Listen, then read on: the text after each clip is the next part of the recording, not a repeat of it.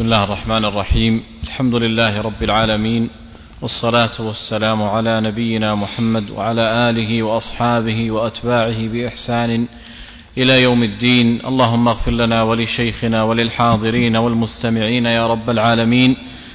أما بعد فيقول المؤلف رحمه الله تعالى كما يستحب أن يزيد بعد الذكر المتقدم بعد صلاة الفجر وصلاة المغرب قول لا إله إلا الله وحده لا شريك له له الملك وله الحمد يحيي ويميت وهو على كل شيء قدير.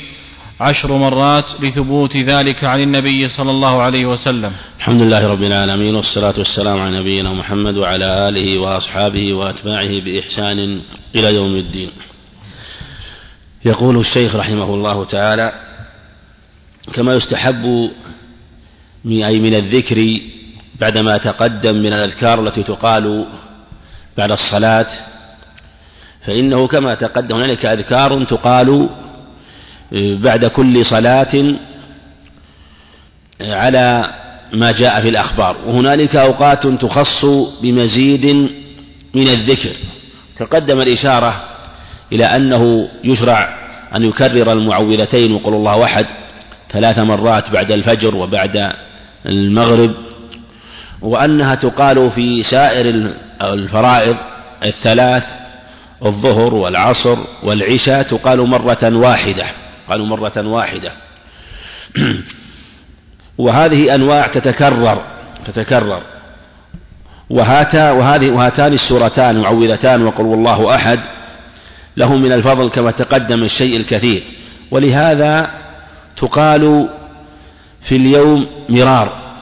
تقال في اليوم مرار فأنت تقولها بعد الصلاة وبعد الظهر والعصر والعشاء كل واحدة تقولها مرة واحدة. ثم تكررها ثلاثا بعد الظهر بعد الفجر وبعد المغرب. ثم يشرع أن تقولها ثلاثا عند النوم. عند ثلاثا عند النوم. فهذا يبين وجه تكررها. وأن يشرع عبد أن يقولها مكررة ثلاث مرات كل سو كل, كل سورة بعد الفجر وبعد المغرب هذه ست مرات وعند النوم ثلاث مرات هذه تسع مرات. وعند وبعد كل صلاة مرة من من الظهر والعصر والعشاء كم هذه؟ ثلاث مرات. فيكون تقولها في اليوم ثنتي عشرة مرة. كل هذه المعوذات يعني من قالها كل يوم ثنتي عشرة مرة فقد استكمل ما جاء في الأخبار. ثنتي عشرة مرة في قل الله أحد ثنتي عشرة مرة في قل أعوذ برب الفلق وثنتي عشرة مرة في قل بالناس هذا في هذه الأذكار بعد الصلاة بعد الصلوات وكذلك مكررة بعد المغرب وبعد الفجر وعند النوم وعند النوم. أيضا هنالك نوع آخر من الذكر يشرع تكراره لا إله وحده لا شريك له له الملك والحمد ولا كل شيء قدير. هذا تقوله بعد كل صلاة مرتين. تقوله بعد كل صلاة كم مرة؟ مرتين. لا بعد بعد الصلوات بعد عموم الصلوات. تقوله مرتين كما في حديث عبد الله مغيرة بن شعبة لا إله إلا لا شريك له له الملك والحمد ولا كل شيء قدير. اللهم لا مانع لما أعطيت ولا معطي لما ولا ينفع ذا الجد منك الجد. وتقدم أنه أنها تكرر في رواية عند النسائي وأنك تقولها ثلاثا بل تقولها ثلاثا إيه، كما في حديث بن الزبير وتقولها أيضا إذا أخذنا بظاهر الرواية مرة ثانية في حديث عبد الله بن الزبير فتكون أربع مرات بعد كل صلاة. أربع مرات بل يتحصى أن تقال بعد كل صلاة كم مرة؟ أربع مرات. لا لأنه جاء في الرواية الصحيحة عند النسائي أنه يقولها ثلاثة. آه نعم آه لا لا شريك ثلاث مرات. لا لا شريك له له ولا كل شيء قدير. اللهم لا مانع لما أعطيت ولا معطي ولا ينفع ذا الجد منك الجد. يقولها ثلاثا. وفي عبد الله بن الزبير قلنا الأظهر أنه يقول لا يكررها ثانية لأن القاعدة أن الأذكار التي جاءت مجموعة تجمع. آه هذا آه، يعني واضح من من جهة الرواية من جهة الرواية. وفي بعد المغرب والعشاء تقول بعد المغرب وبعد الفجر كما ذكر الشيخ رحمه الله تقولها عشرا تقولها عشرا تقولها عشرا. لا إله إلا لا شريك له له الملك والحمد ولا كل شيء لا إله إلا لا شريك له له الملك والحمد يحيي ويميت بيده الخير وهو على كل شيء قدير. اختلفت الروايات أولا ما يتعلق بهذه بهذه الرواية من جهة ثبوتها. هذه الرواية رواية مشهورة وأسانيدها مختلفة وقد سبق أن راجعتها مرارا ولم يتحرر فيها شيء للاختلاف في هذا الخبر. فجاء من رواية الشهر بن حوشب عن عبد الرحمن بن غن عن عبد الرحمن بن غن عند أحمد المسند. وعبد الرحمن بن غن هذا اختلف في صحبته قيل إنه ليس بصحابي وأثبت صحبته البخاري وجماعة. وجاء عن عبد الرحمن بن من رواية الشهر بن حوشب آه، عن عبد الرحمن بن غن عن أبي ذر عند الترمذي. وجاء من روايته عن معاذ بن عن عبد الرحمن بن غانم عن معاذ بن جبل عند النسائي وجاء من روايته عن عبد الرحمن بن غانم عن أبي هريرة عند الطبراني في الدعاء. فاختلفت الروايات في هذا. وقد وقعت على سند آه، جيد آه، لها. وهذا السند مما يؤنس به ويفرح به. وربما آه، يكون مثلا من حقق هذه الروايات قد يكون طلع عليه لكن قد يغفل عن روايته روايته لأنه من طريق شهر بن حوشب أيضا. لكنه رواه قد رواه الإمام أحمد رحمه الله رواه الإمام أحمد رحمه الله من رواية شهر عن عبد الحميد بن بهرام عن أم سلمة. وسنده كله مصرح بالسماع. يقول الإمام أحمد حدثنا أبو النضر. أبو النضر هذا هو هاشم بن القاسم وثقة رحمه الله. حدثني عبد الحميد بن بهرام المدائني وهو أيضا لا بأس به جيد. حدثني شهر بن حوشب قال سمعت أم سلمة. في حديث طويل وفي في في قصته مع فاطمة وأنه صاها بالذكر عند النوم وفيه أنه عليه الصلاة والسلام قال لها قولي بعد صلاة الصبح عشر مرات. لا إله إلا وحده لا شريك له له الملك والحمد يحيي ويميت بيد الخير وهو على كل شيء قدير. تكتب لك يكتب لك بكل واحدة عشر حسنات. بكل واحدة عشرة ويحط عنك عشر خطيئات. ولك بكل واحدة عتق رقبة. عتق رقبة. ولا ينبغي لذنب أن يدرك ابن آدم إلا الشرك بالله عز وجل. وهذا فيه قول لا إله لا شريك له له الملك والحمد يحيي ويميت بيده الخير وهو على كل شيء قدير. وهذا السند جيد. ويظهر يظهر لي أنه أحسن أسانيد هذه الرواية. وذلك أنه أعل الخبر باضطراب شهر فإنه اضطرب فيه كثيرا في سنده وفي متنه. تارة يرويه بعد الصبح تارة بعد المغرب وتارة آه، يرويه بدون ذكر ذلك. فاضطرب في آه، متنه كما اضطرب في سنده كما تقدم. وهذا معلوم عن شهر رحمه الله أنه عنده بعض الاضطراب. لكن رواية عبد الحميد بن بهرام عنه جيدة. فإذا روى عنه عبد الحميد بن بهرام فروايته جيدة. وهذه طريقة متبعة لأهل العلم في أن الراوي قد يكون مثلا ضعيف الرواية لكن إذا روى عنه فلان فإنه يكون جيد. مثل ابن لهيعة إذا روى عنه العبادلة. عبد الله بن وهب عبد الله بن يزيد المقري وعبد الله بن المبارك وبعضهم يزيد يزيد آخرين. والتراجم في هذا كثير جدا لكن هذا مثال عليها. فهذا أيضا عبد شهر بن حوشب إذا روى عن عبد الحميد بن بهرام فإنه جيد. بعضهم طعن في رواية عبد الحميد عن شهر لكن الصواب أنها, أنها ثابتة لأن الفحول من الحفاظ والكبار المتقنين رحمة الله عليهم جودوها. وإمام في ذلك يحيى بن سعيد القطان.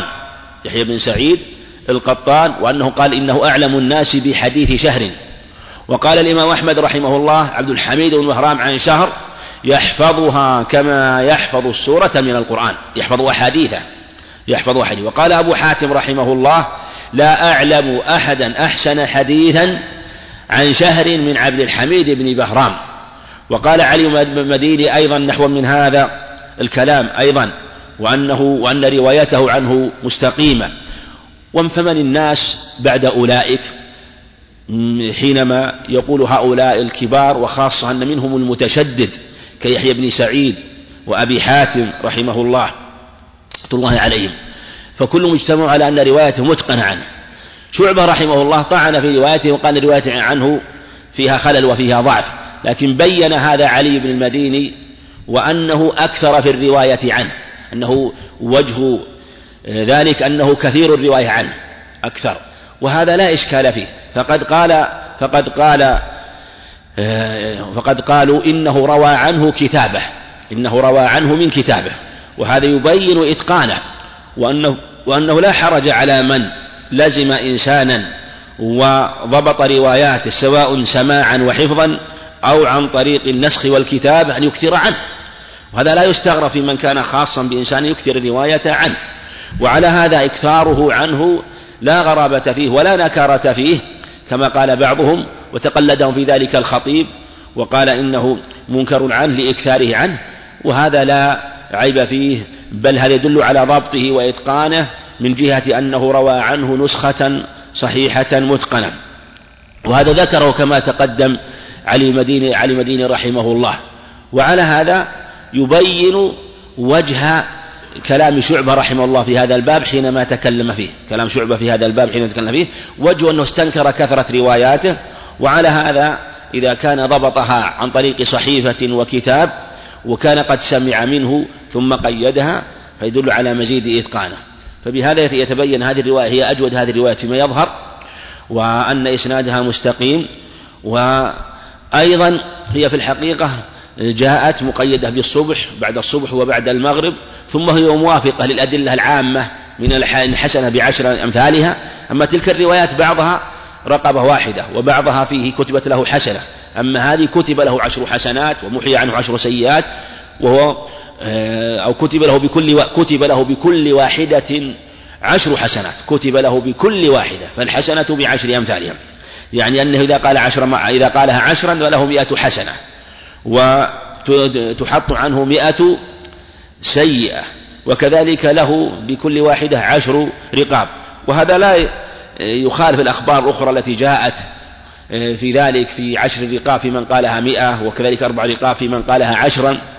ولا نريد نستطرد البحث في هذا يطول لأن آه، هذه مقيدة بصلاة الصبح والفجر. وأيضا الرقاب مطلقة ليست من ولد إسماعيل إلى غير ذلك من المعاني التي آه، يعني مبينة في الكلام على هذه الأخبار. على هذا يتحرر ويتقرر أن الأمر آه، كما ذكر الشيخ رحمه الله أنه يشرع أن تقال هو أن هذه الرواية هي أثبت الروايات رواية أم سلمة آه، في أنها تقال بعد الصبح وبعد الفجر وأنها تقال عشر مرات. وهذا أيضا ظاهرها أنها يجهر بها أنه يجهر بها وهذا أيضا نبه إليه لأن الذكر يشرع الجهر به. هذا هو الصواب خلافا لمن قال إنه لا يجهر به لكن يكون يكون الجهر جهرا خفيفا. هو دلت الأدلة على أنه عليه الصلاة والسلام يجهر كما في الصحيحين من حديث ابن عباس رضي الله عنهما أنه قال كنت أعرف انقضاء صلاة رسول الله بالتكبير وجاء في حديث المغيرة وحديث عبد الله بن الزبير أيضا. هذا المعنى المتقدم أنهم سمعوا يقول ذلك عليه الصلاة والسلام. وهذا هو أما من قال إنه للتعليم فهو قول مرجوح قول مرجوح. ولهذا ابن عباس رضي الله عنهما كان غلاما وكان ربما لم يصلي صلى متأخرة في الصفوف متأخرة ولهذا قال كنت أعرف انقضاء صلاة رسول الله بالتكبير. يعني إذا كبروا بعد الصلاة وأراد بالتكبير الذكر أراد بالتكبير الذكر ولهذا جاء في الرواية الأخرى بالذكر. وحديثه هذا وحديثه في الصحيحين رضي الله عنه. نعم.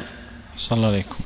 يقول رحمه الله وإن كان إماما انصرف إلى الناس وقابلهم بوجهه بعد استغفاره ثلاثا وبعد قوله اللهم أنت السلام ومنك السلام تباركت يا ذا الجلال والإكرام ثم يأتي بالأذكار, بالأذكار المذكورة كما دل على ذلك أحاديث كثيرة عن النبي صلى الله عليه وسلم. منها حديث عائشة رضي الله عنها في صحيح مسلم وكل هذه الأذكار سنة وليست بفريضة. نعم. أيضا ننبه إلى أن أحيانا ربما تفوت بعض المسائل ونبه إلى مسألة تقدمت الإشارة إلى شيء من إلى إلى موضعها لكن لم يشر إليها وهو ما بين السجدتين وأن الجلوس كما تقدم الجلوس كما تقدم بين السجدتين أن يفترش قدمه اليسرى وينصب اليمنى. هذا هو الجلوس بين السجدتين. لكن هنالك صفة نقلت أيضا صفة في الجلوس وهو نصب القدمين نصب القدمين والجلوس على الأليتين يعني ينصب قدميه ويضع أليتيه على ماذا؟ على عقبيه يجعل أليتيه على عقبيه. هذا أيضا صفة تفعل أحيانا تفعل أحيانا لا بأس مثل ما في جلسة الاستراحة جلسة الاستراحة التي تقدمت وإن كان بعض العلم يرى أنها تفعل دائما فمن فعلها فلا بأس والإقعاء أن يجلس بين السجدتين ناصبا قدميه واضعا أليتيه على عقبيه كجلسة المستوفز أو الإنسان الذي كأنه يريد أن ينهض وهذه نوع من من من الجلسات بين السجدتين. ثبتت في صحيح مسلم من حديث ابن عباس قال قلنا لابن عباس في الإقعاء بين السجدتين نراه نراه جفاء بالرجل رواه بعضهم بالرجل. وذكره ابن عبد البر ضبطه بماذا؟ بالرجل نراه جفاء بالرجل يعني في هيئة الرجل لكن الصواب جفاء بالرجل وهذا الرجل والمرأة الحكم واحد لكن لأن آه، صلوات الجماعة تكون الرجال والخطاب يكون غالبا في مثال في الصلوات يكون الرجال وإلا فالحكم واحد للرجال والنساء. نراه جفاء بالرجل. قال سنة محمد صلى الله عليه وسلم. هذا هو الجواب. وأن هذا هو السنة. وعلى هذا يتبين أن الإقعاء نوعان إقعاء مشروع وإقعاء ممنوع. لأن وردت أحاديث في الإقعاء وفي صحيح مسلم نهى عن عقبة الشيطان عقبة الشيطان. هذا أصح ما ورد فيه. وجاء عدة أحاديث من حديث علي عند ابن ماجه ومن حديث ومن حديث وغيره وكذلك عند أحمد. جاء أنه عليه نهى عن التفات كالتفات الثعلب. نقر كنقر الغراب والتفات كالتفات الثعلب وإيقاع كإيقاع الكلب حديث علي لا تقعي بين السدتين. وهي حديث ضعيفة منهم من قواها بالنظر إلى مجموع طرقها. وبالجملة يشهد لها ما رواته عائشة رضي الله عنها في صحيح مسلم عن عقبة الشيطان. وجمع أبو عبيد القاسم بن سلام وصاحبه أبو عبيدة معمر المثنى وحرروا أن الإقعاء المنهي عنه هو الإقعاء بأن يجلس على إليتيه وينصب ساقيه. يعني يجلس على إليتيه يضع يقيم ساقيه ها ويجلس على إليتيه مثل المحتبي مثل المحتبي لكنه واضع يديه في الأرض. الإنسان إذا أراد أن يحتبي وضم ساق ساقيه بيديه لكن هذه بأن يضع يديه في الأرض ويجلس على إليتيه وينصب ساقيه. هذه في الصلاة منهي عنها منهي عنها. هو إذا آه، جلس على قدميه ونصب ساقيه ورفع أليتيه هذا المستوفز. المستوفز وهذه جاءت أنه عليه الصلاة والسلام جلسها في بعض آه، جلساته حينما أراد أن يتناول شيئا من الطعام. فهذه الجلسة آه، منهي منهي هي المنهي هي التي نهي عنها وهي التي تشبه جلسة الكلب. الحقيقة الكلب يجلس هكذا إذا أراد أن يقعي جلس هكذا. وهذا الجمع هو أولى ما يقال في هذا الباب من جهة الإقعاء الذي هو سنة والإقعاء الذي هو ممنوع. وإن قاعدة القاعدة في الصلاة أنه ينهى المكلف أن يتشبه بالحيوانات. نهى عليه الصلاة والسلام عن إيقاع كإيقاع الكلب. ونهى وهذا كما تقدم ونهى أن آه، يجعل الإنسان يوطن الإنسان مكانه في المسجد كما يوطن البعير. ونهى كما تقدم آه، أيضا آه، قال على ما تومئون بأيديكم كأنها أذناب خيل شمس كما حديث جابر بن سمرة صحيح مسلم. وجاء كما تقدم نقر كنقر الغراب والتفات كالتفات الثعلب آه، فهذه أجناس من الحيوانات نهي عن التشبه بها. نعم في الصلاة وفي غير خارج الصلاة إذا كان المنهي عن التشبه بها بالحيوانات عموما في الصلاة من باب آكد لكن لأن هذه لأن الصلاة فيها هيئات وفيها جلسات وربما شابهت جلسة الحيوانات أو هيئتها في بعض صورها جاء النص عليها والتأكيد عليها. يقول رحمه الله تعالى وإن كان إماما انصرف إلى الناس وقابلهم بوجهه لأنه آه، يقول الذكر مثلهم لكن يقول آه، بعد استغفاره. وجه بعد استغفاره ثلاثا وبعد قوله اللهم انت السلام منك السلام تباركت يا ذا الجلال والإكرام وهذا تقدم. آه، ثم يأتي بالأذكار المذكورة كما تقدم يعني أن الحكم واحد لهم. لكن الإمام يقول شيئا من الذكر الذي ورد في حديث في حديث في في في الحديث في الاستغفار وكذلك في اللهم انت السلام منك السلام يقوله وهو إلى القبلة. ثم يلتفت ويقول أذكار. كما دل على ذلك حديث كثيرة من حديث عائشة حديث عائشة المتقدم اللهم أنت السلام ومنك السلام تباركت يا ذا الجلال والإكرام. وكل هذه الأذكار سنة وليست بفريضة سنة بفريضة. وهذه الأذكار عند الجمهور تقال تقال بعد الفريضة. وذهب بعض العلم إلى أنها يشرع أن تقال بعد النافلة. هذه الأذكار ذهب بعض العلم إلى أنها تقال بعد النافلة. وهذا قاله جمع من أهل العلم. وربما كان الشيخ رحمه الله يقولها أحيانا بعد النافلة. شيخنا الشيخ باز ربما أحيانا كان يقول هذه الذكر ويحتج بعموم الأدلة وأنها لم تقيد بصلاة بصلاة الفرض. بصلاة الفرض. بل أطلقت. أطلقت مع أنه لا يذكره هذا في المجالس لكن ربما عمله هو رحمه الله وقالها أحيانا آه، بعد آه، النافلة. بعد النافلة. وذكر الحافظ رحمه الله هذا البحث وقال إن الإطلاق قال بإطلاق هو قول يعني أن الإطلاق في الرواية يعني معنى ما ذكر يؤيد هذا لكن الجمهور حملوا حملوا الإطلاق على التقييد فيما جاء أنه يقوله بعد المكتوبة وهذا هو الأظهر وهذا هو الأظهر. لكن قد يقال إنه إنه بعد النافلة يقول سبحانك الله وحمدك أشهد أن لا إله إلا أنت أستغفرك وأتوب إليك. لحديث عائشة المتقدم الصحيح لأنها نقلت عائشة رضي الله عنها أنه يسمعه بعد كل مكتوب وهي لا تنقل إلا النافلة لا تنقل مكتوب يعني يصلي في بيتها يصلي في بيتها وربما قيل إن هذا الذكر من بين سائر الأذكار يقال بعد النافلة بعد النافلة عموما سواء كانت راتبة أو غير راتبة لقوله أن من صرف مجلس ذكر ولا قرآن إلا قال سبحانك اللهم وبحمدك أشهد أن لا إله إلا أنت أستغفرك.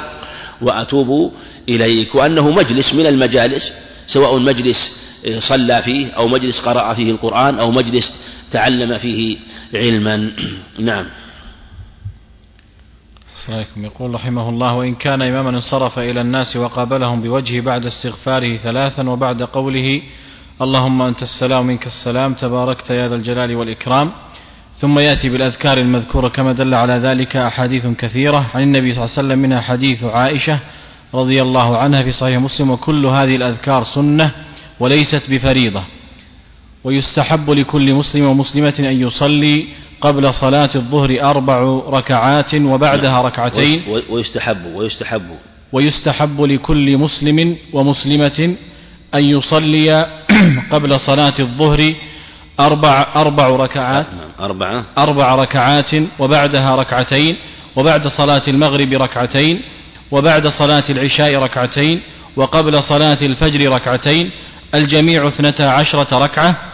وهذه الركعات تسمى الرواتب لأن النبي صلى الله عليه وسلم كان يحافظ عليها في الحضر كم في الحضر أما في السفر فكان يتركها إلا سنة الفجر والوتر.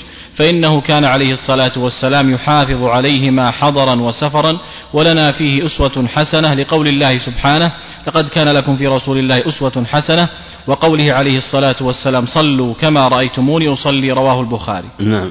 يقول رحمه الله تعالى ويستحب أيضا بعد هذه الأذكار القولية يستحب عبادة عملية من صلاة النافلة الراتبة لأن كما لأن النوافل إما رواتب إما نوافل مطلقة وإما نوافل مقيدة والمقيدة نوعان إما رواتب إما رواتب وإما غير رواتب. فالمقيد غير رواتب مثل سنة الضحى ومثل ركعتي تحية المسجد ومثل سنة الوضوء وما أشبه ذلك. ومثل أربع قبل العصر وبين كل أذانين وكذلك الصلاة قبل العشاء وقبل المغرب. نعم. وكذلك المقصود أن أن أن, أن هذه سنن أو نوافل مقيدة. والنوافل المقيدة ونوافل أخرى مقيدة هي رواتب. وهذه الرواتب قبل الصلاة وبعدها. والرواتب الرواتب التي تشرع فيها حكمة عظيمة. لأن الإنسان إذا صلى هذه الفرائض فإنها تحتاج إلى جوابر تجبرها تجبر الصلاة. والجوابر من رحمة الله سبحانه وتعالى تسد الخلل وترقعه.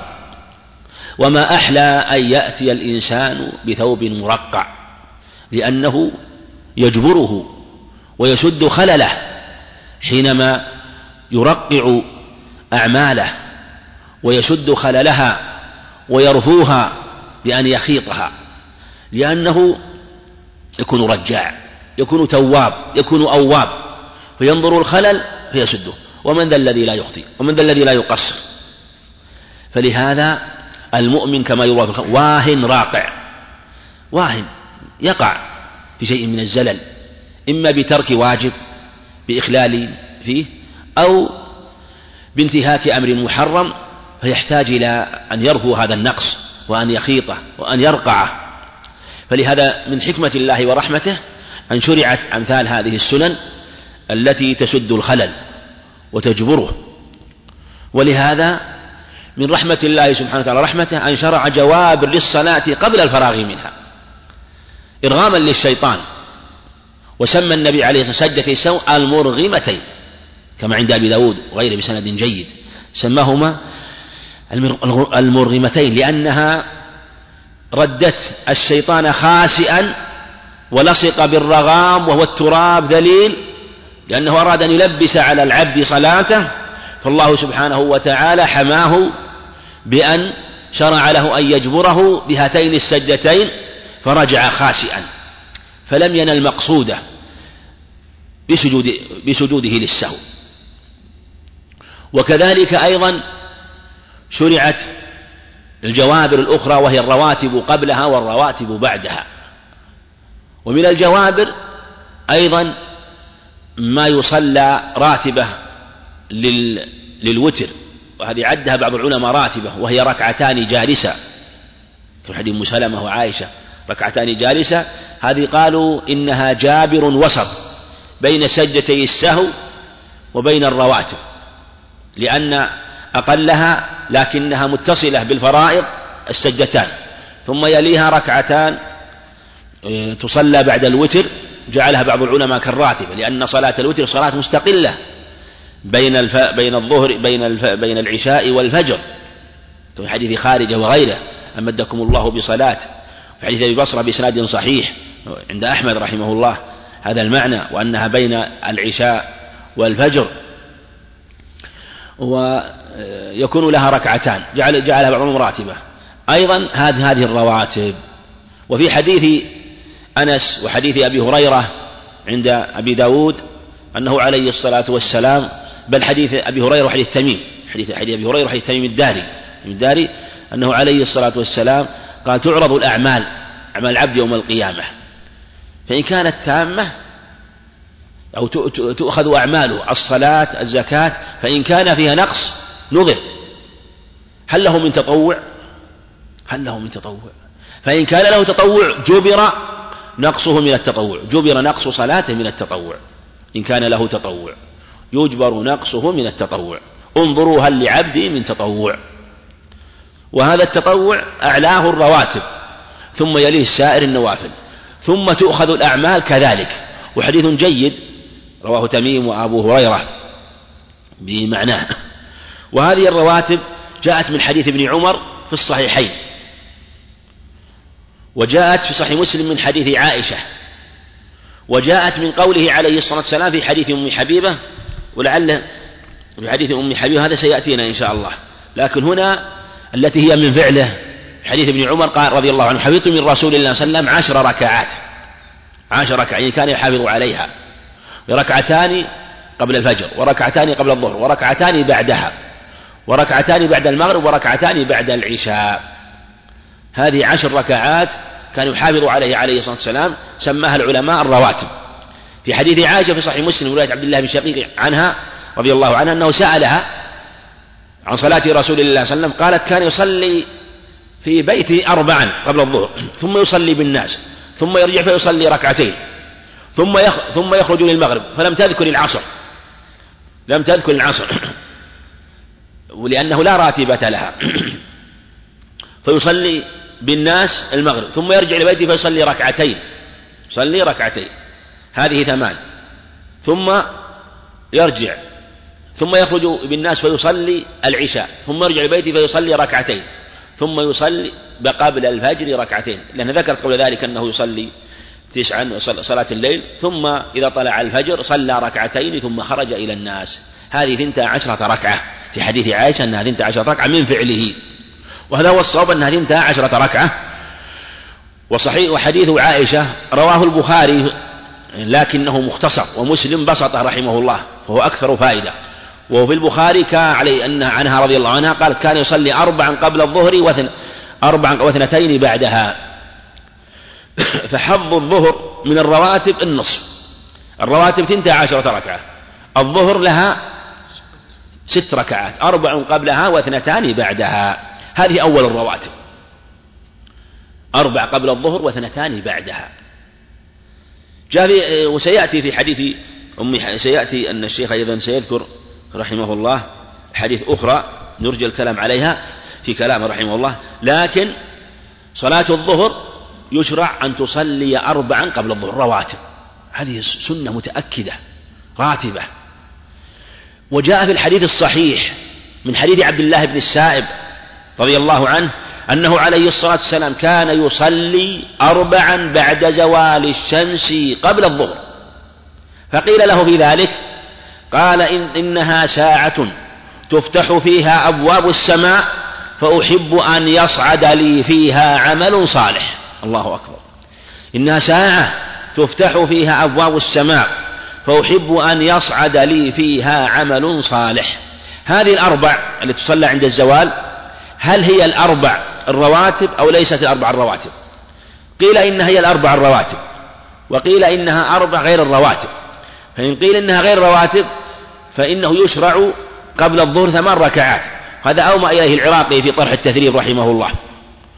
والأقرب والله أعلم ليظهر أنها هي الأربع الرواتب هذا هو الأقرب. لأن في حديث أبي عائشة أربع بعد الزوال قبل الظهر وهذه الراتبة. ولو كان يصلي ثمان لنقلت وأنه يحافظ عليها وإذا كان ظاهر كان يحافظ عليها. أربع قبل الظهر. فعلى يجتمع في الأربع قبل الظهر أنها راتبة وأن في ساعة تفتح فيها أبواب السماء بعد زوال الشمس أربع قبل واثنتان بعدها. كما تقدم. وبعد صلاة المغرب ركعتين. بعد صلاة المغرب ركعتين. نعم. وسيأتي إلى العصر أنها لها نافلة. وبعد صلاة المغرب ركعتين. وهذه جاءت في حديث ابن عمر وفي حديث عائشة. سيأتي حديث أم حبيبة. ركعتان. وهو قبلها وقبلها أيضا يشرع ركعتين لكن من النوافل كما سيأتي. وبعد وقبل صلاة الفجر ركعتين. هذه في حديث ابن عمر وفي حديث عائشة وفي حديث أم حبيبة أيضا. وهاتان الركعتان ثبت في صحيح مسلم أنه عليه الصلاة عليه السلام قال ركعة الفجر خير من الدنيا وما عليها. خير من الدنيا وما عليها. وجاء فيها أحاديث كثيرة. وركعة الفجر كان النبي عليه الصلاة والسلام يخففها. كان في صحيح عائشة حتى أقول هل قرأ فيهما بأم القرآن؟ لماذا قال ذلك؟ لأنه عليه الصلاة والسلام كان يطيل صلاة الليل ثم يصلي صلاة الفجر وكانت خفيفة بالنسبة إلى صلاة الليل فهي نسبتها إلى صلاة الليل خفيفة حتى أقول هل قرأ فيها بأم القرآن مع أنه ثبت في صحيح مسلم أنه كان حي أبي هريرة كان يقرأ فيها قل يا أيها الكافرون وقل هو الله أحد. وثبت حديث ابن عباس أنه يقرأ فيها الآية من البقرة والآية من العمران. قل يا أهل الكتاب تعالوا إلى كلمة سواء بيننا وبينكم. الآية قولوا آمنا بالله وما أنزل إلينا. و واختلف. قيل قولوا آمنا بالله وما وفي الآية الأخرى في الآية العمران قولوا آمنا بالله وما أنزل علينا. في حديث ابن عباس. وجاء فيها أخبار كثيرة. وكان عليه الصلاة والسلام إذا صلى الركعتين اضطجع. اضطجع على شقه الأيمن. وجاء أن اضطجاعه بعد الوتر كما في حديث ابن عباس. الصحيح. ويحتمل أنه كان يضطجع بعد الوتر أحيانا ويضطجع أحيانا بعد ركعتي الفجر. وتقول إن كنت مستيقظة حدثني وإلا اضطجع. هذا يبين أنه ما ليست أن الاضطجاع ليس بواجب. وفي حديث أبي هريرة الذي رواه عبد الواحد بن زياد عن الأعمش عن أبي صالح عن أبي هريرة عند أبي داود وحديث حديث جيد أنه عليه الصلاة والسلام قال إذا صلى أحدكم ركعتي الفجر فليضطجع على شقه الأيمن. وحديث جيد جاء بالأمر بها وثبتت في السنة في الصحيحين من فعله عليه الصلاة والسلام. وقد طعن شيخ الإسلام في هذا وقال إنه خبر باطل. وهذا يقع له رحمه الله لأنه ربما جزم أحيانا لكن ليس الأمر كما قال. والخبر ليس بباطل. وعبد الواحد بن زياد رواية عن الأعمش جيدة. وهو قال حمل في ذلك على عبد الواحد بن زياد وأنه وهم عليها أو أخطأ فيه. والصواب أنه ليس كذلك ولا إشكال. يكون أمر بها ويكون تأكيدا وتكون جاءت من سنة القولية والفعلية هو يقول لا يحفظ إلا من فعله عليه الصلاة والسلام. وكذا ثم نعم وبعد وقبل ذلك وبعد صلاة العشاء ركعتين كذلك. وبعد صلاة العشاء ركعتين أنا تقدمت وفي حديث ابن عمر وفي حديث عائشة هذه بعد صلاة العشاء غير صلاة الوتر. وجاء عند أبي داود من حديث عائشة رضي الله عنها أنه عليه الصلاة والسلام رب كان يصلي بعد العشاء أربع ركعات.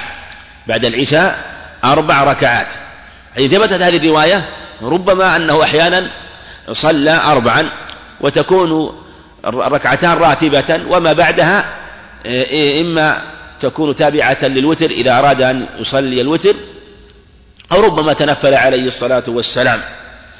لكن كان اللي استمر عليه أن يصلي ركعتين بعد صلاة العشاء.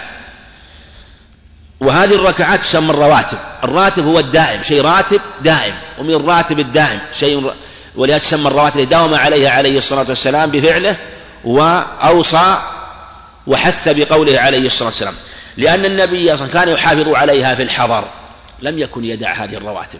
كما قال ابن عمر كان حفظت من رسول الله صلى الله عليه وسلم. حديث عائشة كما تقدم وحديث محي الآتي أما في السفر فكان يتركها.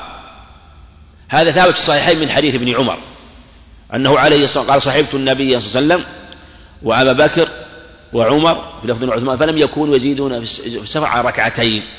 ورأى, ورأى كما في الصحيحين قوما يسبحون فقال لو كنت مسبحا لأتممت. يعني يسبحون يصلون الراتبة عقب الصلاة. يسبحون أو يتنفلون عقب الصلاة. إنما الذي يشرع في الصلاة هو التنفل في الطريق. التنفل في الطريق لا بأس. هذا ثابت الصحيح في عامر ربيعة وفي جابر بن عبد الله ومن حديث أنس. ثبت أنه عليه الصلاة, عليه الصلاة والسلام كان يتنفل على راحلته والتنفل مشروع بلا خلاف. إنما الذي آه، كان يتركه السنن الرواتب هذا على المشهور مذهب أحمد رحمه الله والجمهور على أن الرواتب مشروعة. تشرع الرواتب في الحضر كما تشرع في السفر. هذا هو قول الجمهور.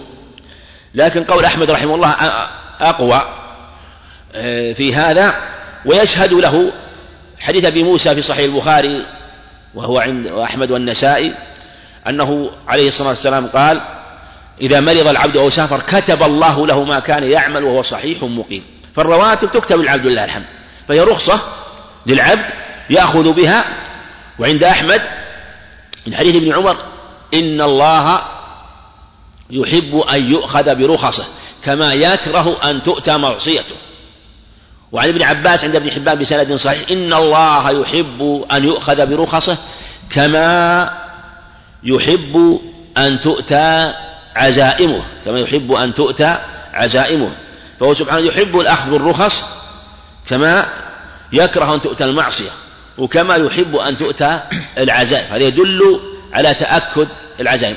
أما الحديث الذي عند أحمد أن من لم يعني في ذكر العزيمة ومن لم يأخذ بها كان عليه من الإثم مثل جبال عرفة هذا الحديث في ثبوت نظر ولا يثبت لكن إن صح فهو محمول على من ترك الأخذ بالرخصة جفاء وتكلفا ويزعم أن فعله هو الأفضل وأن الشدة هو الأفضل وهذا قد يقع بعضهم يتعمقون في باب العبادة كما يقع من الخوارج من تشددهم وحتى وقعوا في خلاف السنة.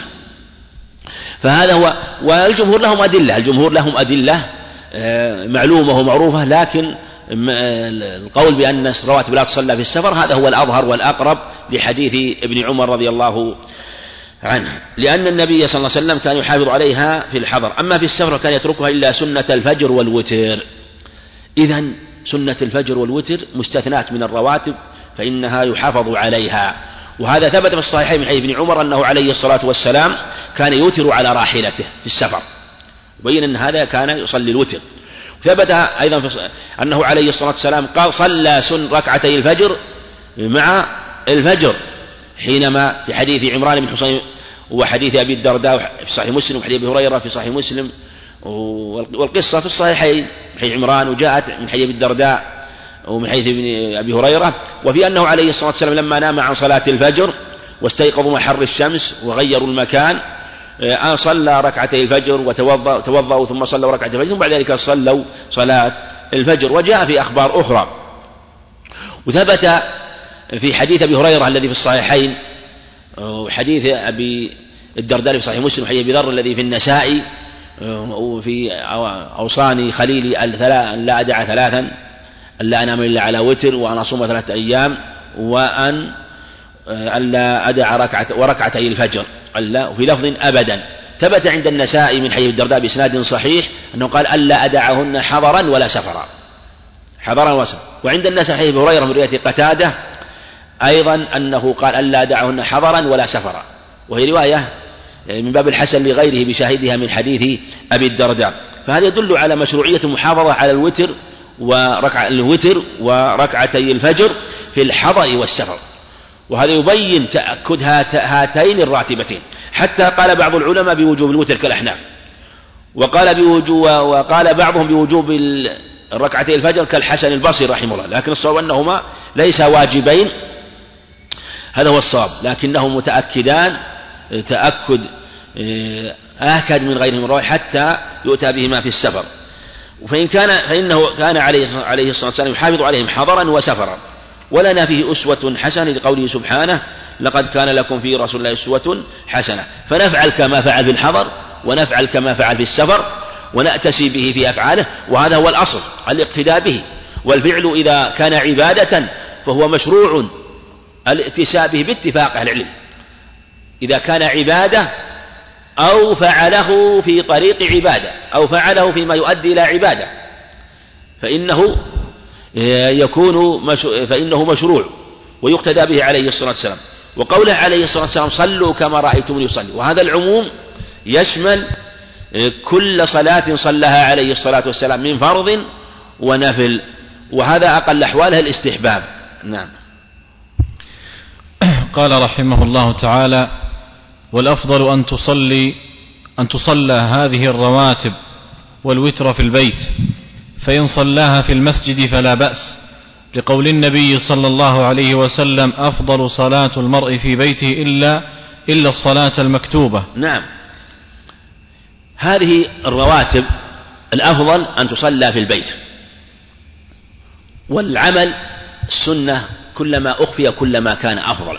إلا ما كان مشروعا جماعة بصلاة الجماعة بأنواعها الواجبة والمستحبة كالتراويح كذلك الجماعات العارضة مثل الكسوف والعيدين والاستسقاء فهذه يشرع إظهاره كذلك الأذكار القول والأذكار التي يشرع الجهر بها هذه يجهر بها والجهر بها أفضل من الإسرار وهذا قاعدة معروفة فنفعل كما فعل.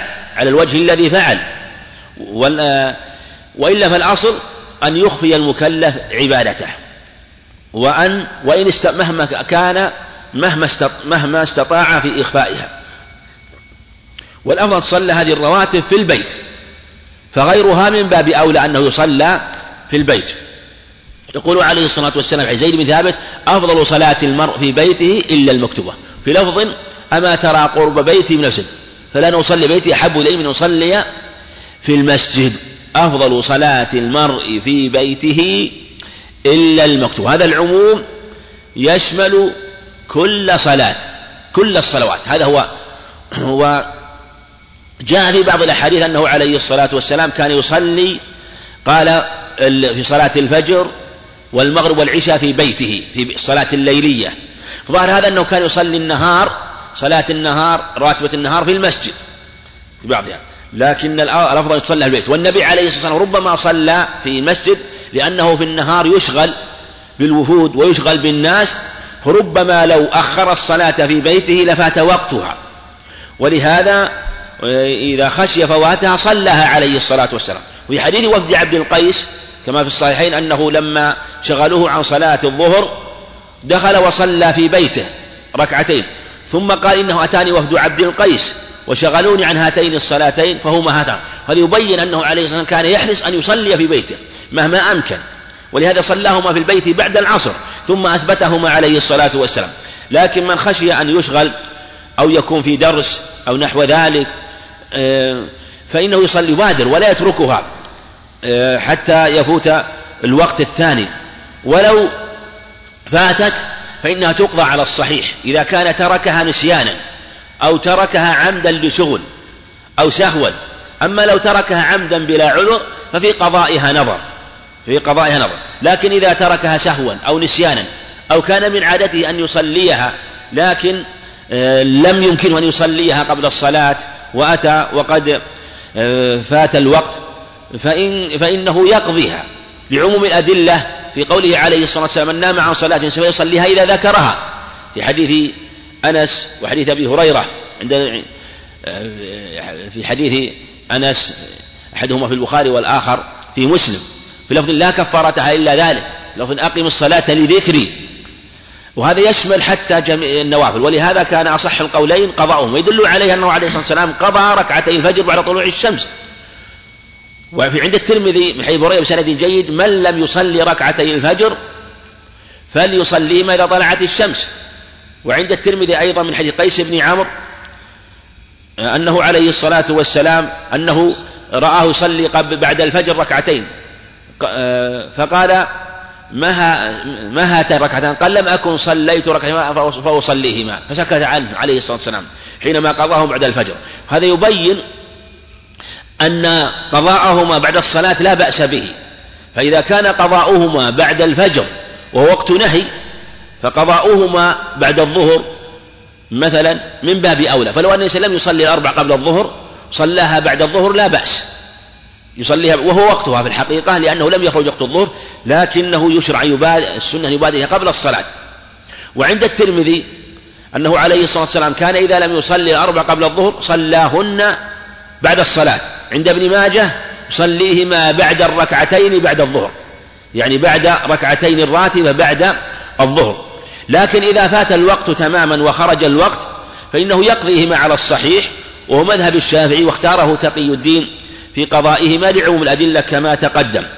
فالسنة أن تصلى في البيت هذا هو الأفضل في إخفاء العمل وعموم الأعمال كما تقدم.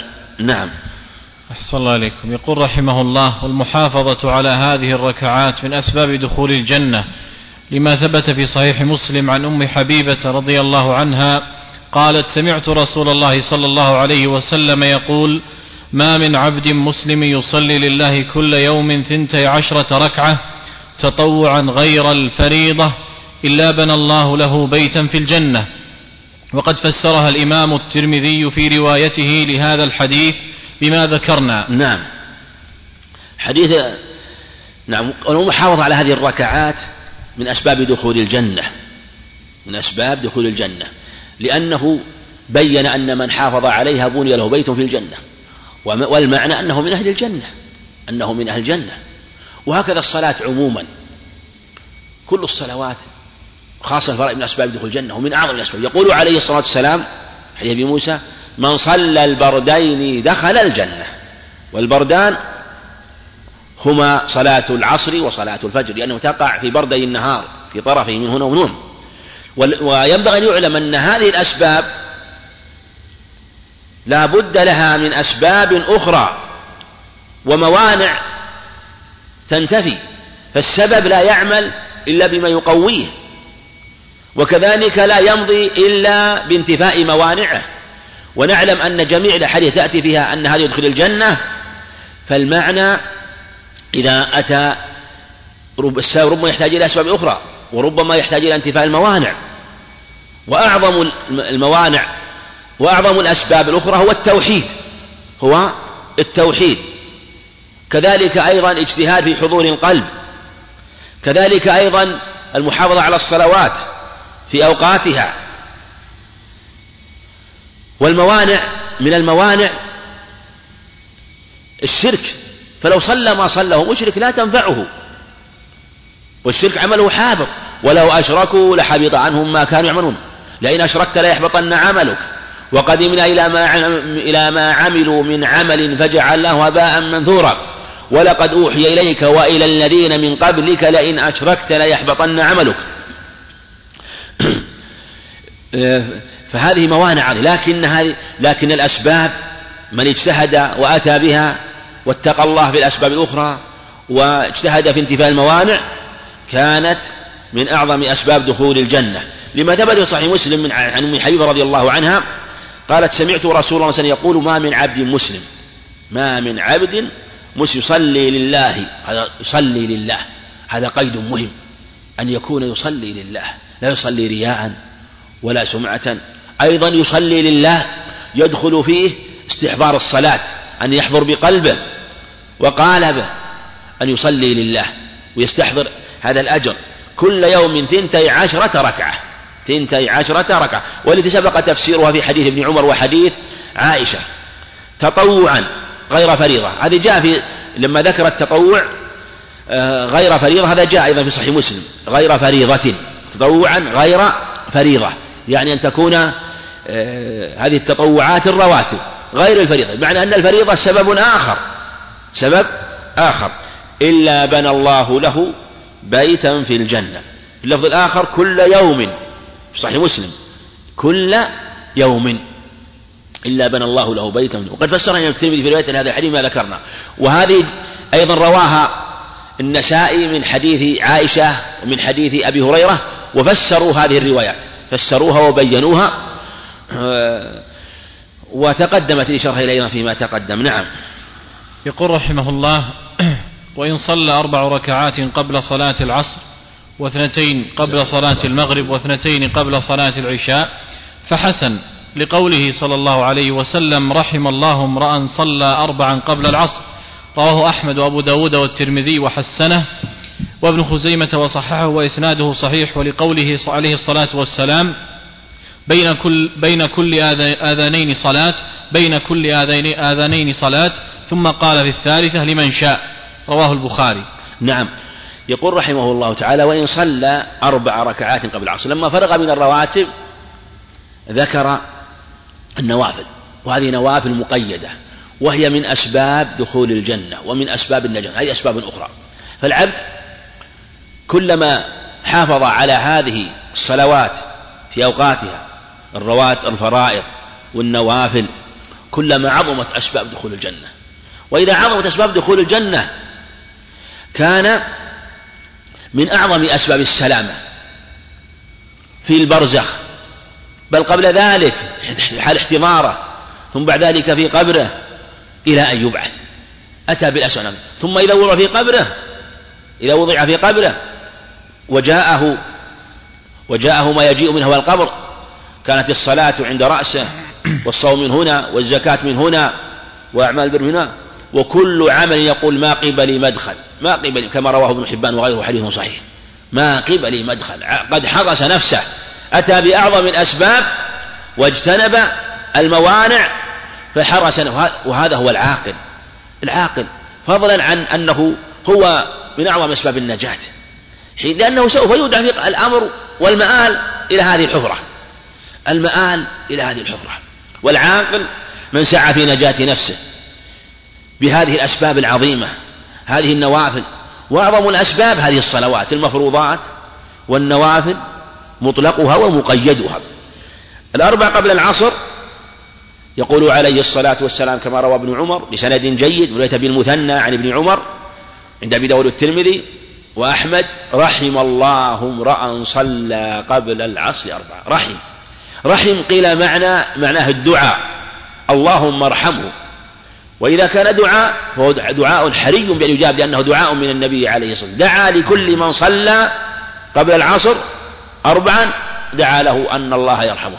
وقيل رحم خبر منه عليه الصلاة والسلام وأن الله أوحى إليه بذلك أنه مرحوم. وإن كان خبره أبلغ.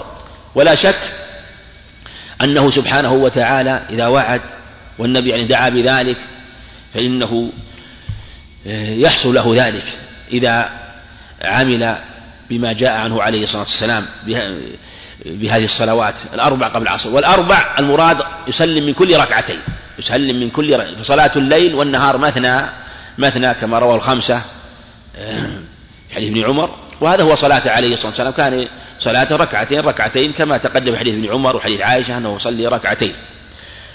واثنتين قبل صلاة المغرب هذه أيضا نافلة مقيدة قبل المغرب لأنها لا راتبة لا والعصر نعلم أنه بعد العصر وقت نهي. المغرب لا راتبة لها قبل لكن يشرع أن تصلي قبلها ركعتين. قد ثبت في الصحيحين من حديث عبد الله مغفر أنه عليه الصلاة والسلام قال صلوا قبل المغرب صلوا قبل المغرب صلوا قبل المغرب. قال في الثالث لمن شاء كراهية يتخذها الناس سنة. وعن أنس الصحيح أنه قال كان الناس كان الداخل إلى المسجد يعني صلاة المغرب يظن أن الصلاة قد صليت من كثرة من يصليها وكانوا يبتدرون السواري. لماذا يبتدرون السواري؟ نعم سترة. هذا يبين أنهم يقصدون السواري؟ من حرصهم على يتسابقون إليها رضي الله عنهم. يبتدرون فإن كان وجد سترة في الصف الأول هذا يبين أنهم لم يكونوا يتخذون سترة أو يضعون شيء؟ فمن وجد سترة صلى إليه ومن لم يجد سترة كتب له أجره لأنه بنيته. وكذلك آه، جاء عند ابن حبان بسند جيد أنه عليه الصلاة والسلام كان يصلي قبل المغرب ركعتين. لكنه آه، ليس من رواتب لكن جاءت من فعله كما جاءت من قوله وجاء أيضا أنه عليه الصلاة والسلام صلى قبل العصر أربع ركعات. لكن هذا طعن فيه شيخ الإسلام وقال لم يثبت من فعله عليه الصلاة والسلام. كما في عند أحمد حديث علي رضي الله عنه وأنه لم يثبت. وجاء من وجاء أنه صلي ركعتين في رواية عند عند أبي داود وعند الترمذي أو عند أبي داود وعند الترمذي أربع ركعات كما كرواية علي عند أحمد. لكن عند الترمذي مختصر وعند علي مطول وأنه حكوي صلاة النبي ستة عشرة ركعة عنه عليه الصلاة والسلام. حديث طعن فيه وقال إنه خبر موضوع. وأن المحفوظ من أن المحفوظ من قوله وهو قول رحم الله امرأ صلى قبل العصر قبل العصر أربعا لا أنه كان يصلي آه، يصلي آه، قبلها. لكن جاء في صحيح مسلم ما يدل أنه صلى ركعتين صلى ركعتين وهذه محتمل أنه آه، أنها هي التي صلى أنها صلاة الظهر التي كان سنة الظهر التي كان تركها. محتمل. يقول رحمه الله تعالى واثنتين قبل صلاة المغرب. في حديث ابن عبد المغفل أيضا صحيح بين كل أذانين صلاة بين كل أذانين صلاة بين كل أذانين صلاة. عند أبي داود بسناد صحيح في الحديث المتقدم صلوا قبل المغرب ركعتين صرح بركعتين. يشرع أن تصلى ركعتين وأن الركعة وأن الركعتين تصليان بين يدي كل صلاة.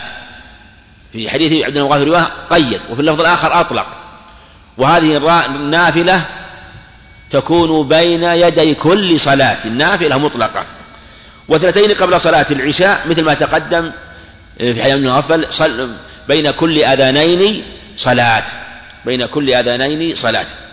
أيضا مما يشرع أن يصلي بين المغرب والعشاء. ثبت في الحديث الصحيح أنس عن أبي داود أنهم كانوا يحيون ما بين المغرب والعشاء.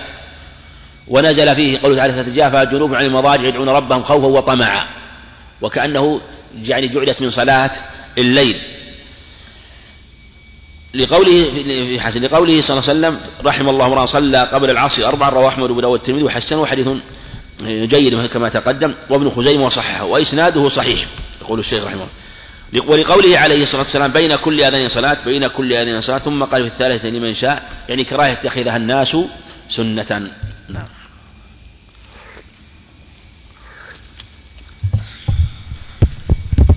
نعم. نعم هذه ركعتين قبل العشاء. نعم هذه يأتي إشارة إشارة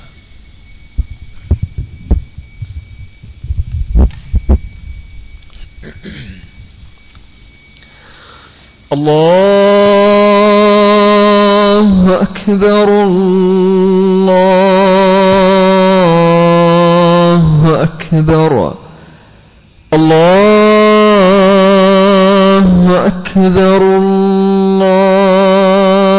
الله أكبر أشهد أن لا إله إلا الله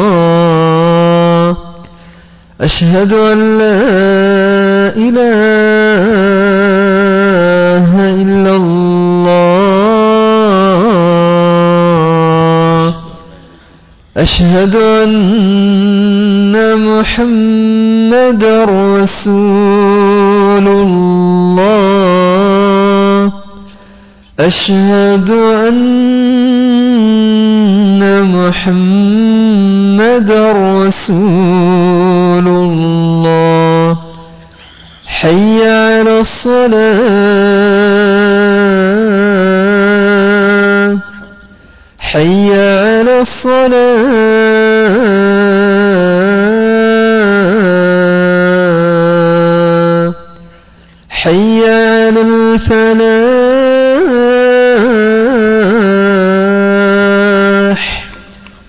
حي على الفلاح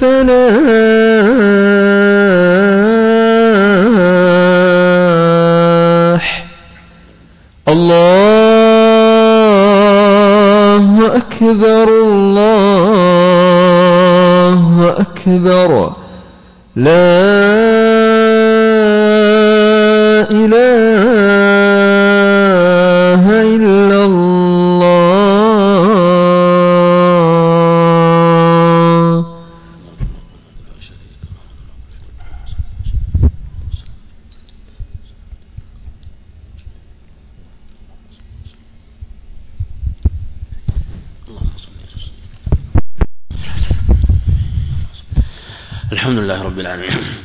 كما تقدم هذه الصلوات أيضا كذلك قبل العشاء قبل العشاء ركعتين كما تقدم. وهذا داخل في عموم حديث عبد المغفل بين كل آذانين صلاة بين كل أنه يصلي بين كل آذانين صلاة وأنها من النافلة المقيدة بين الأذان والإقامة وأنها ركعتان.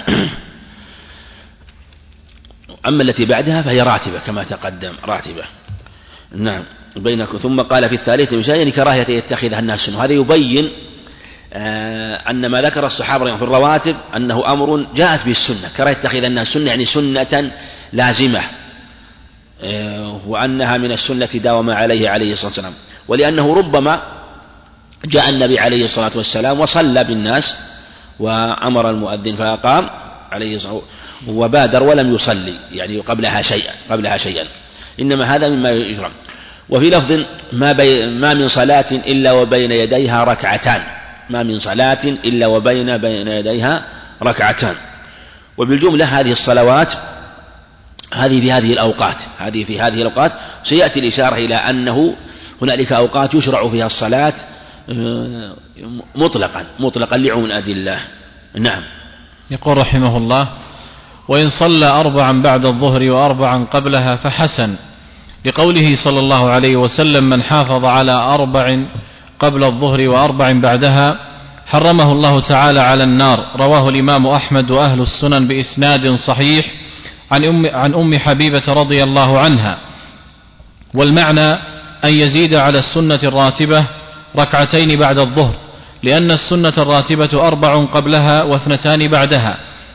فإذا زاد ثنتين بعدها حصل ما ذكر في حديث أم حبيبة رضي الله عنها والله ولي التوفيق وصلى الله وسلم على نبينا محمد محمد بن عبد الله وعلى آله وأصحابه وأتباعه بإحسان إلى يوم الدين. قاله ممليه الفقير إلى رب عبد العزيز بن عبد الله بن باز سامحه الله وغفر له ولوالديه وللمسلمين. آمين. غفر الله له غفر الله له. اللهم اغفر له وارحمه. اللهم اغفر له. نعم. يقول رحمه وإن صلى أربعا بعد الظهر. وإن صلى أربعا بعد الظهر. أيضا هذه الصلاة أربع قبل الظهر أربع راتبة كما تقدم في حديث عائشة.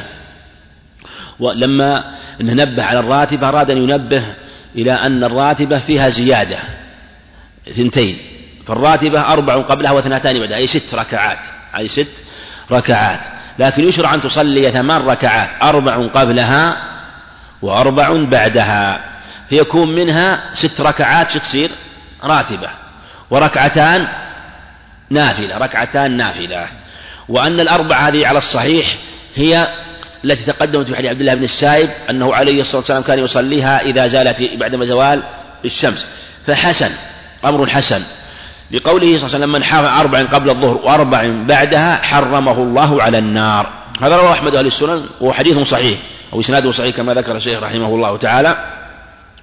وجاء في جاء في رواية لم تمسه لم تمس النار وجهه. لم تمس النار وجهه. لكن هذه الرواية أجود. ثم قول من حافظ. في بعضها من صلى. لكن رواية من حافظ أثبت. رواية من حافظ يعني أن من حافظ عليها حصل له آه، أو كان من أسباب السلام والنجاة من النار. أربع قبل الظهر وأربع بعده والأربع أي ركعتين ركعة يسلم من كل ركعتين. حرمه الله على النار. هذا ظاهر تحريمه على النار وأنه لا يدخلها. وأن هذه الصلوات من أسباب دخول الجنة ومن أسباب النجاة من النار. من أسباب دخول الجنة كما في حديث أم حبيبة أيضا من أسباب دخول من أسباب دخول الجنة كما حديث أم حبيبة ومن, ومن أسباب النجاة من النار كما في هذا الحديث. أيضا من أسباب الدخول في دعوة النبي عليه الصلاة والسلام. في حديث ابن عمر رحم الله امرأ صلى قبل العصر أربعا فهي أسباب عظيمة. يسعى العبد في تحصيلها. قل حرمه الله على النار تحريم تام. جاء بعد روايات كما تقدم لم تمس النار وجهه. في حديث الشفاعة ثابت متواتر في الصحيحين أن إن الله حرم على النار أن تأكل مواضع السجود. قد يقول قائل إنه إنهم يدخل إنهم يدخل بعض العصاة النار تأكلهم إلا دارات إلا دارات وجوههم إلا دارات كما في الرواية الأخرى في الصحيح. في اللفظ الآخر إلا مواضع السجود. فدارات الوجوه ووجهه لا تمس لا تمسه النار. لا تمسه النار معنى أنه لا تصيبه لا تصيبه. ومثل ما جاء في الحديث. مع أنه يدخلها بعض العصاة ويخرجون. والذي يتبين لي والله أعلم أن الذي ورد في الشفاعة هو فيما يتعلق بالسجود.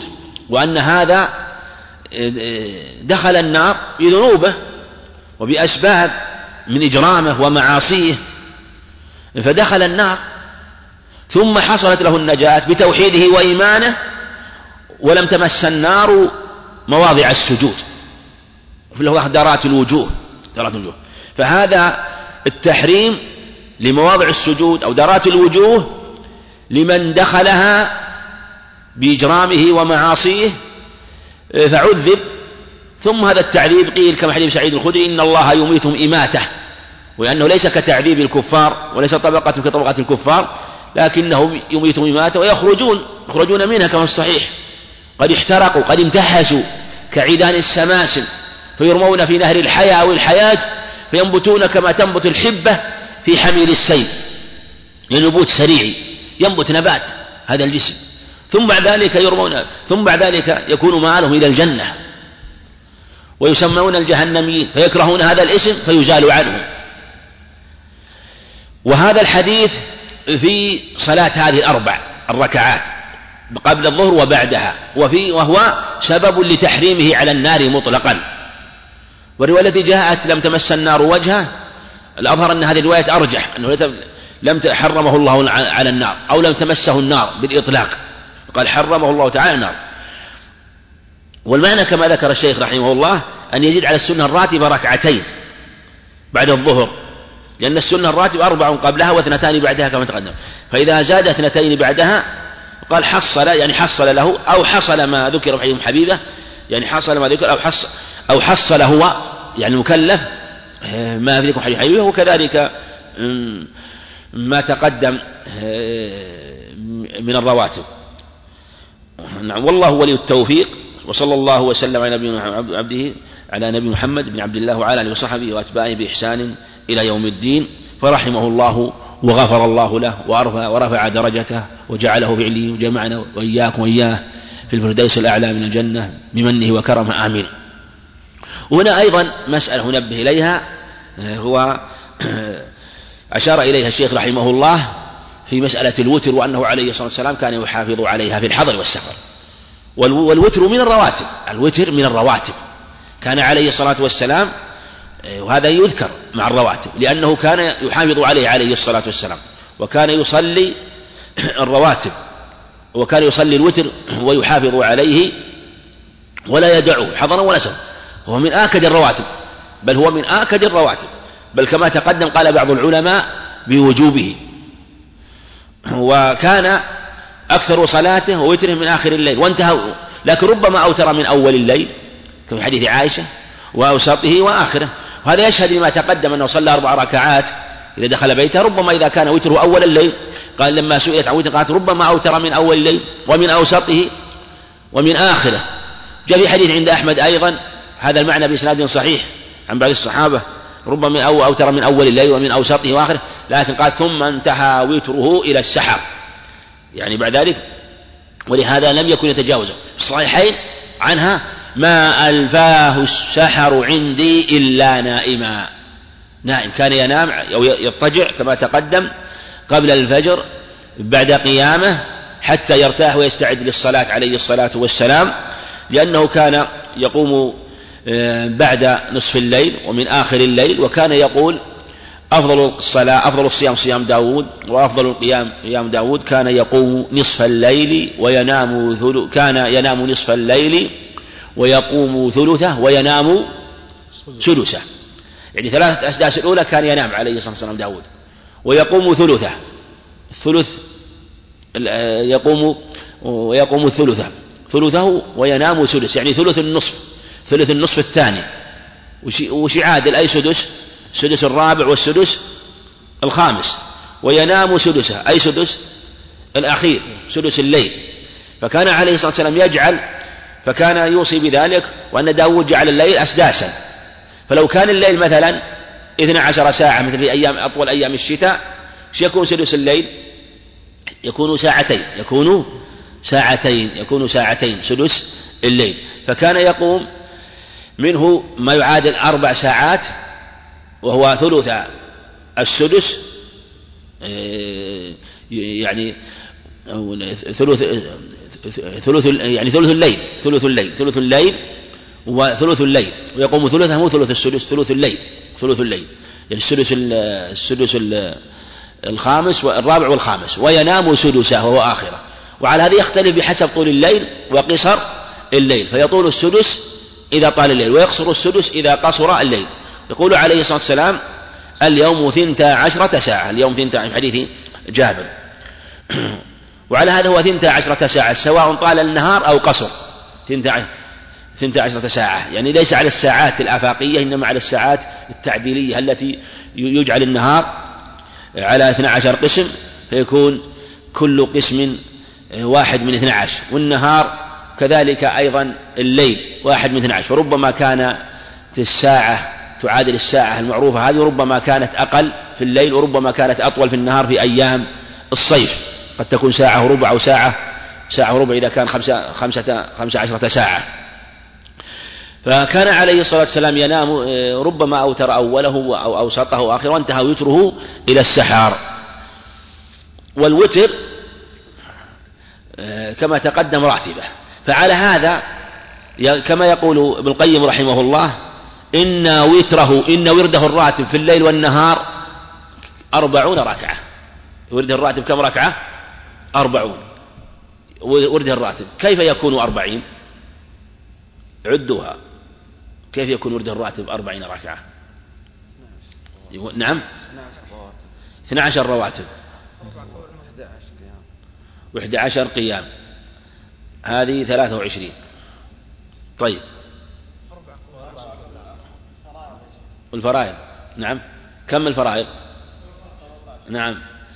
سبع عشر ركعة. أضف سبع عشر إلى ثلاثة وعشرين. كم يصير المجموع يكون أربعين ركعة.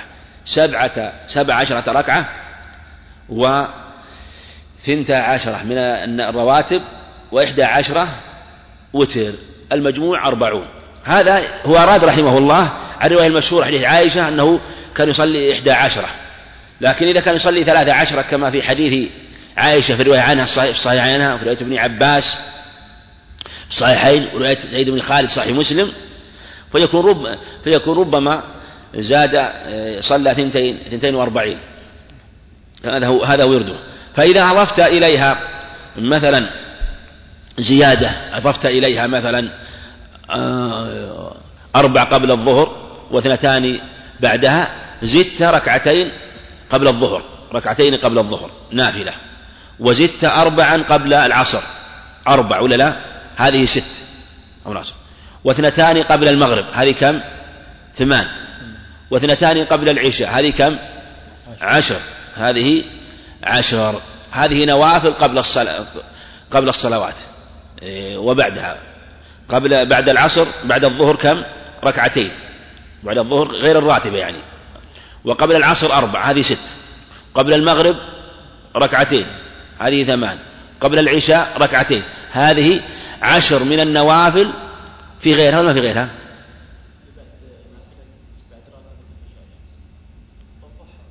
لا الضحى الضحى هذه ليست معلقة بالصلاة. نريد معلقة بالصلاة. ما في في غير هذا شيء؟ قبل قبل قبل العشاء ركعتان. لا بعدها الراتبة. قصدك الرواية الثانية؟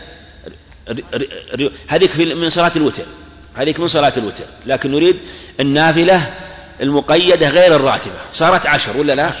صارت عشر. إذا أضفتها إلى الرواتب صارت 52 نعم صارت مع العشر مع الأربعين تصير خمسين. وإن جعلت الوتر 13 صارت 52 فعلى هذا تقوم بهذا العدد. إذا أضفت إليها إذا أضفت إليها سنة الضحى سنة أقل سنة أقلها ركعتان أقلها ركعتان وكما قال عليه أنه كان يصلي أربعا يزيد ما شاء ويوم الفتح صلى ثمان ركعات عليه الصلاة والسلام. هذه هذا هو ورده عليه الصلاة والسلام كان يصليه في كل في يومه وليلته في يومه وليلته. وحديث عائشة في الوتر في الوتر كما تقدم. أنه قد ما كان يزيد في رمضان غير على أعلى إحدى عشر ركعة. والأظهر والله أعلم أن الوتر أن الوتر لا حد فيه لا حد فيه. هذا الأقرب والله أعلم. لكن السنة المنقولة عنه إما إحدى عشرة أو ثلاثة عشرة. وأقل ما أوتر عليه الصلاة والسلام سبع ركعات. أقل ما أوتر سبع ركعات. سبع ركعات. وربما أوتر بتسع.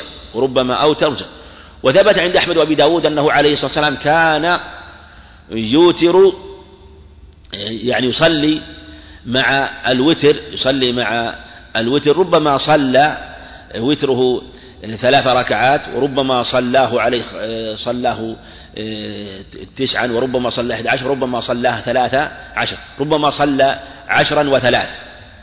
ربما صلى عشرا وثلاث تصير إحدى تصير ثلاثة عشرة تصير ثلاثة عشرة. وربما صلى عليه الصلاة والسلام ثلاث ركعات ثلاث ركعات وثمان وثلاث ثمان وثلاث تصير تسع. وربما صلى ستا وثلاث وربما صلى أربع وثلاث ولم يكن يزيد.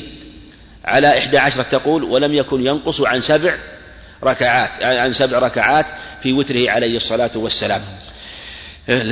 لكن الذي لازمه وداوم عليه إما إحدى عشرة وإما ثلاثة عشر. والوتر المشروع فيه أن يكون ركعتين ركعتين ركعتين ركعتين يسلم من كل ركعتين. كما في رواية أبي داود بسناد صحيح كان يسلم من كل ركعتين ركعتين.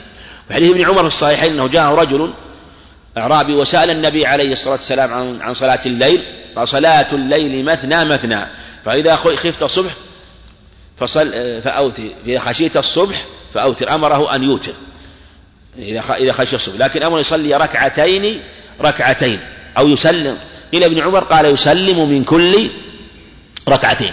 لكن لو سرد جاز عند بعض العلم فلو سرد خمسا جميع هذا ثبت عنه عليه الصلاة والسلام. وسبع وتسع كذلك ثبت في صحيح مسلم أنه سرد سبعا وتسعا. لكن السبع لما صلاها عليه الصلاة والسلام جلس لما بعد السادسة جلسة خفيفة. كذلك لما صلى عليه الصلاة والسلام آه، تسعا جلس بعد الثامنة عليه الصلاة والسلام. جلس بعد الثامنة ثم قام وصلى بعد ذلك صلى آه، الوتر. فهذا هو ورده عليه الصلاة والسلام في صلاته ورده في صلاته في ليله وفي نهاره كما نقله ابن القيم رحمه الله. اسأله سبحانه وتعالى لي ولكم التوفيق والسداد. مني وكرم آمين. وصلى الله وسلم وبارك على نبينا محمد.